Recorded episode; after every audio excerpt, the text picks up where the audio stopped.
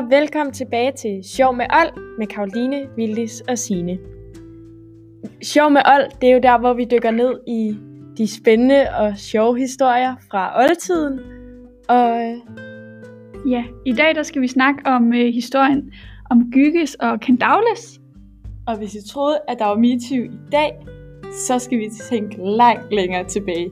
For Candaules var nemlig en af de første til at udføre MeToo ja, så læn jer tilbage, drik en kop kaffe, og ja, velkommen.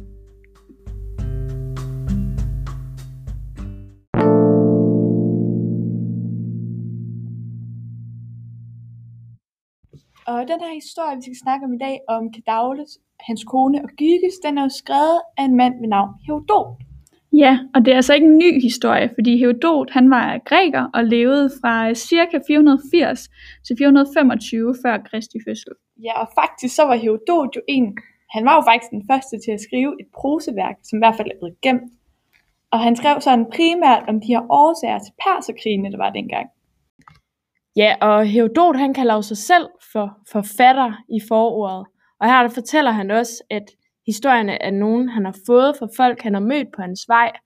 Øhm, foråret, det er sådan lidt noget nyt siden Iliaden, som vi havde i sidste uge. Øhm, fordi at her der kan man nemlig se, at vi er på vej fra mytos til logos.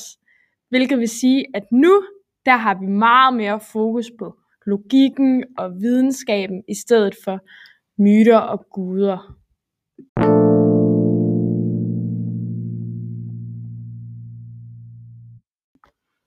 Ja, og øh, nu så vil vi så dykke lidt længere ned i den her historie, og vi starter med at lige øh, få på plads, hvem Candaules egentlig var. Og han var en konge i øh, kongeriget Lydien. Og Lydien, det var altså dengang et øh, mægtigt kongerige i det vestlige Lilleasien, som havde sit storhedstid omkring 700-600 år før Kristus. Og det var et barbarisk kongerige. Mm-hmm. Men øh, altså en barbar, er det sådan en ligesom sådan i Asterix og Obelix, eller hvad filen er det? Ej, Signe, en barbar er altså ikke sådan en brutal og voldsom skabning, vi finder det med i dag. Dengang så var en barbar altså bare en person, som ikke var græsk. Så alle, der ikke var grækere, de var altså barbarer. Nå. Ja, og den her historie, den er faktisk ikke særlig lang, men den handler om ham her barbarkongen Candaules, som er vildt stolt over hans flotte, flotte kone. Og hans største ønske, det er, at han ønsker, at hans livvagt Gyge skal se hende nøgen. Så de lægger altså en plan for, at Gyge skal komme til at se hendes skønhed. Øhm, men det opdager hans kone desværre. I! Men der går altså lidt et par dage, før hun rent faktisk trækker fat i Gyges. Fordi nu vil hun altså have hævn over Kandavle, som har ydmyget og udskammet hende.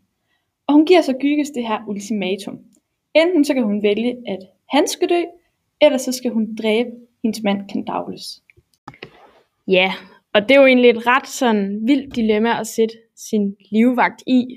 Øhm, men Gyges han vælger jo så sit eget liv, hvilket også gør det ret ironisk, at det er livvagten, der kommer til at dræbe Candaules. Øh, og planen er så, at det skal ske samme sted som øh, hendes ydmygelse. Og øh, ja, Gyges han ender jo så med at dræbe Candaules, og derefter så får han så kongemagten. Ja, og øh, lyterne bliver altså ret sure over øh, Candaules' død, og de bliver enige om, at hvis øh, oraklet i Delphi, de støtter Gyges, så vil han få lov til at forblive kongen, men øh, hvis der sker det modsatte, så vil øh, kongemagten gives tilbage til herakliderne, som er Candaules' slægt. Men Willis, nu sidder jeg lige her og kan ikke rigtig huske, hvad sådan oraklet i Delphi er. Kan du svare på det? Ja, øh, oraklet i Delphi, det var et sted, hvor man i Grækenland gik hen og spurgte guden Apollon til råds, og den havde stor autoritet af både grækere og barbarer. Ja. Øhm, og oraklet ender så med at støtte Gyges, og øh, dermed forbliver han kongen, men de får også at vide af oraklet, at hans femte efterkommer vil de kunne få hævn over. Uh.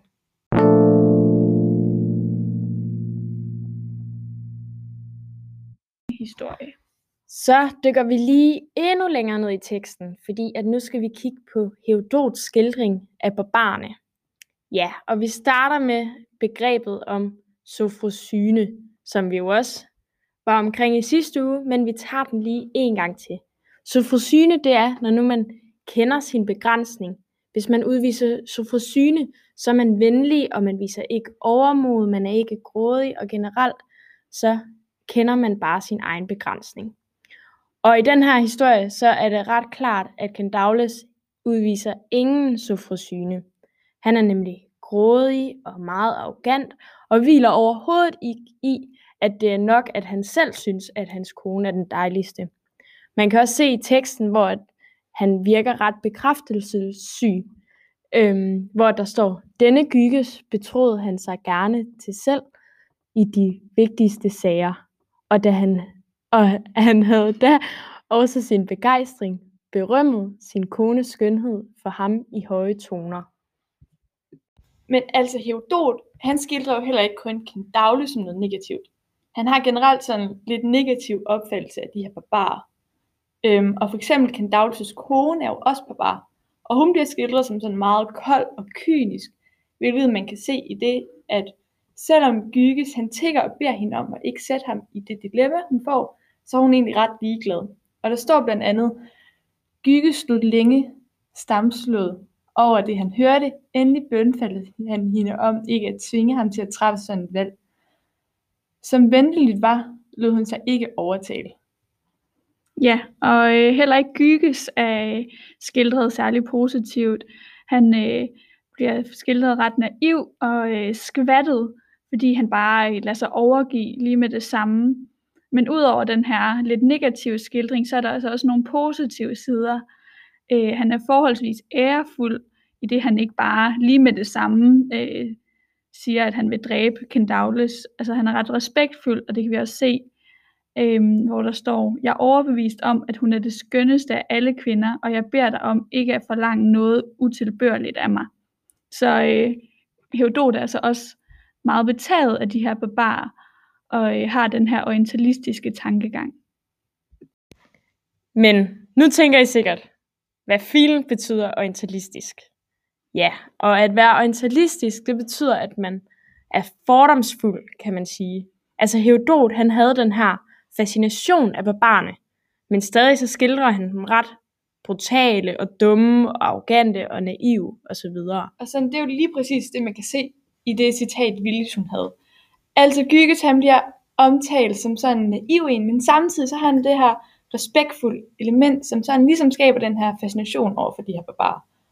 Og altså generelt så vil vi mene, at Herodot han er orientalist.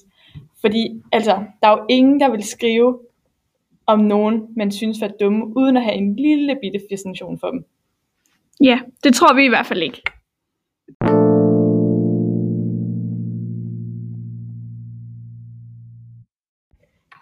Ja, så nu er spørgsmålet altså, skete den her historie faktisk, eller er den overhovedet sand, og øh, hvordan var den i forhold til tiden, den var i? Ja, altså der er jo i hvert fald noget lidt kildekritisk i forhold til den her historie. Altså, for det første så levede Candaules og Herodot ikke på samme tid. Der er lang tid mellem de to levede. Øh, Candaules han levede 700 år før Kristi fødsel, og Herodot han levede 480 til 425 f.Kr. Øhm, og Herodot han har også fået den fortalt af flere omgange og af flere forskellige personer, og derved så er der også gået måske en del detaljer af historien osv.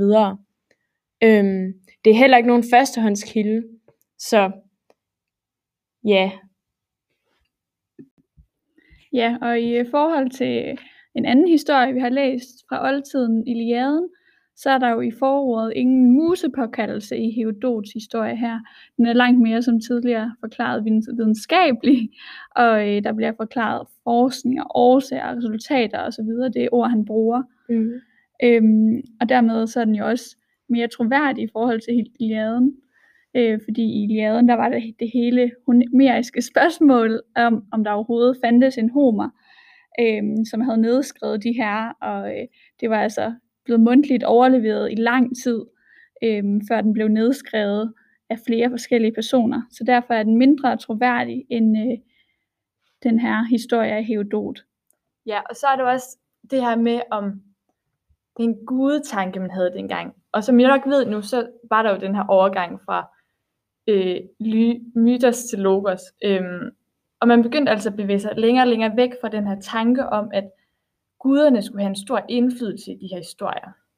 Og der er jo ikke vildt lang forskel mellem Iliaden og Herodot, men stadig så er Herodot gået over i den tid, hvor han, sådan, han erkender, at guderne er der, og de har spillet en rolle, men nu optræder de ligesom sådan, uden rigtig at have nogen større betydning.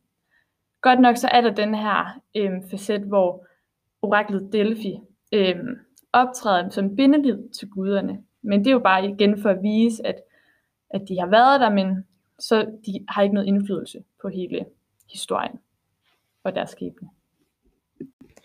Så hvis vi altså lige skal samle op på det, så i forhold til Iliaden, så er der i Herodots tekster fokus på dødelige i stedet for de overnaturlige helte og guder, fordi der er nemlig heller ingen homeriske guder, og der er ingen teofanier eller antropomorfe guder. Ja, så det forklarer meget godt den her overgang fra mytos til logos, der er ved at ske.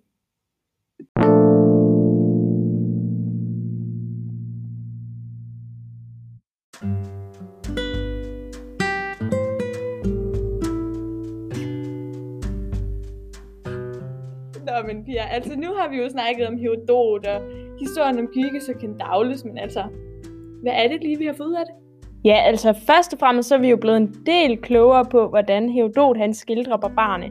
Han skildrer dem jo først og fremmest rigtig negativt, men stadig så har Herodot en vis fascination af dem. Nå ja, han var orientalist, var han ikke? Jo. og vi ved da også, at uh, Herodots værker, de uh, skildrer overgangen fra det her mytos til logos, men uh, den historie, der har Herodot også vist os datidens samfund og personerne og værdierne i det samfund. Og så til sidst i den her historie, så får vi jo lige oraklet i Delphis fremtidssyn, hvor vi får et indblik af, at der måske vil ske noget mindre godt i fremtiden. Men altså, det er først noget, vi skal finde ud af næste gang i Sjov Mørtel.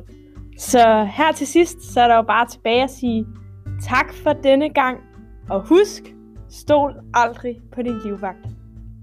Hej hej.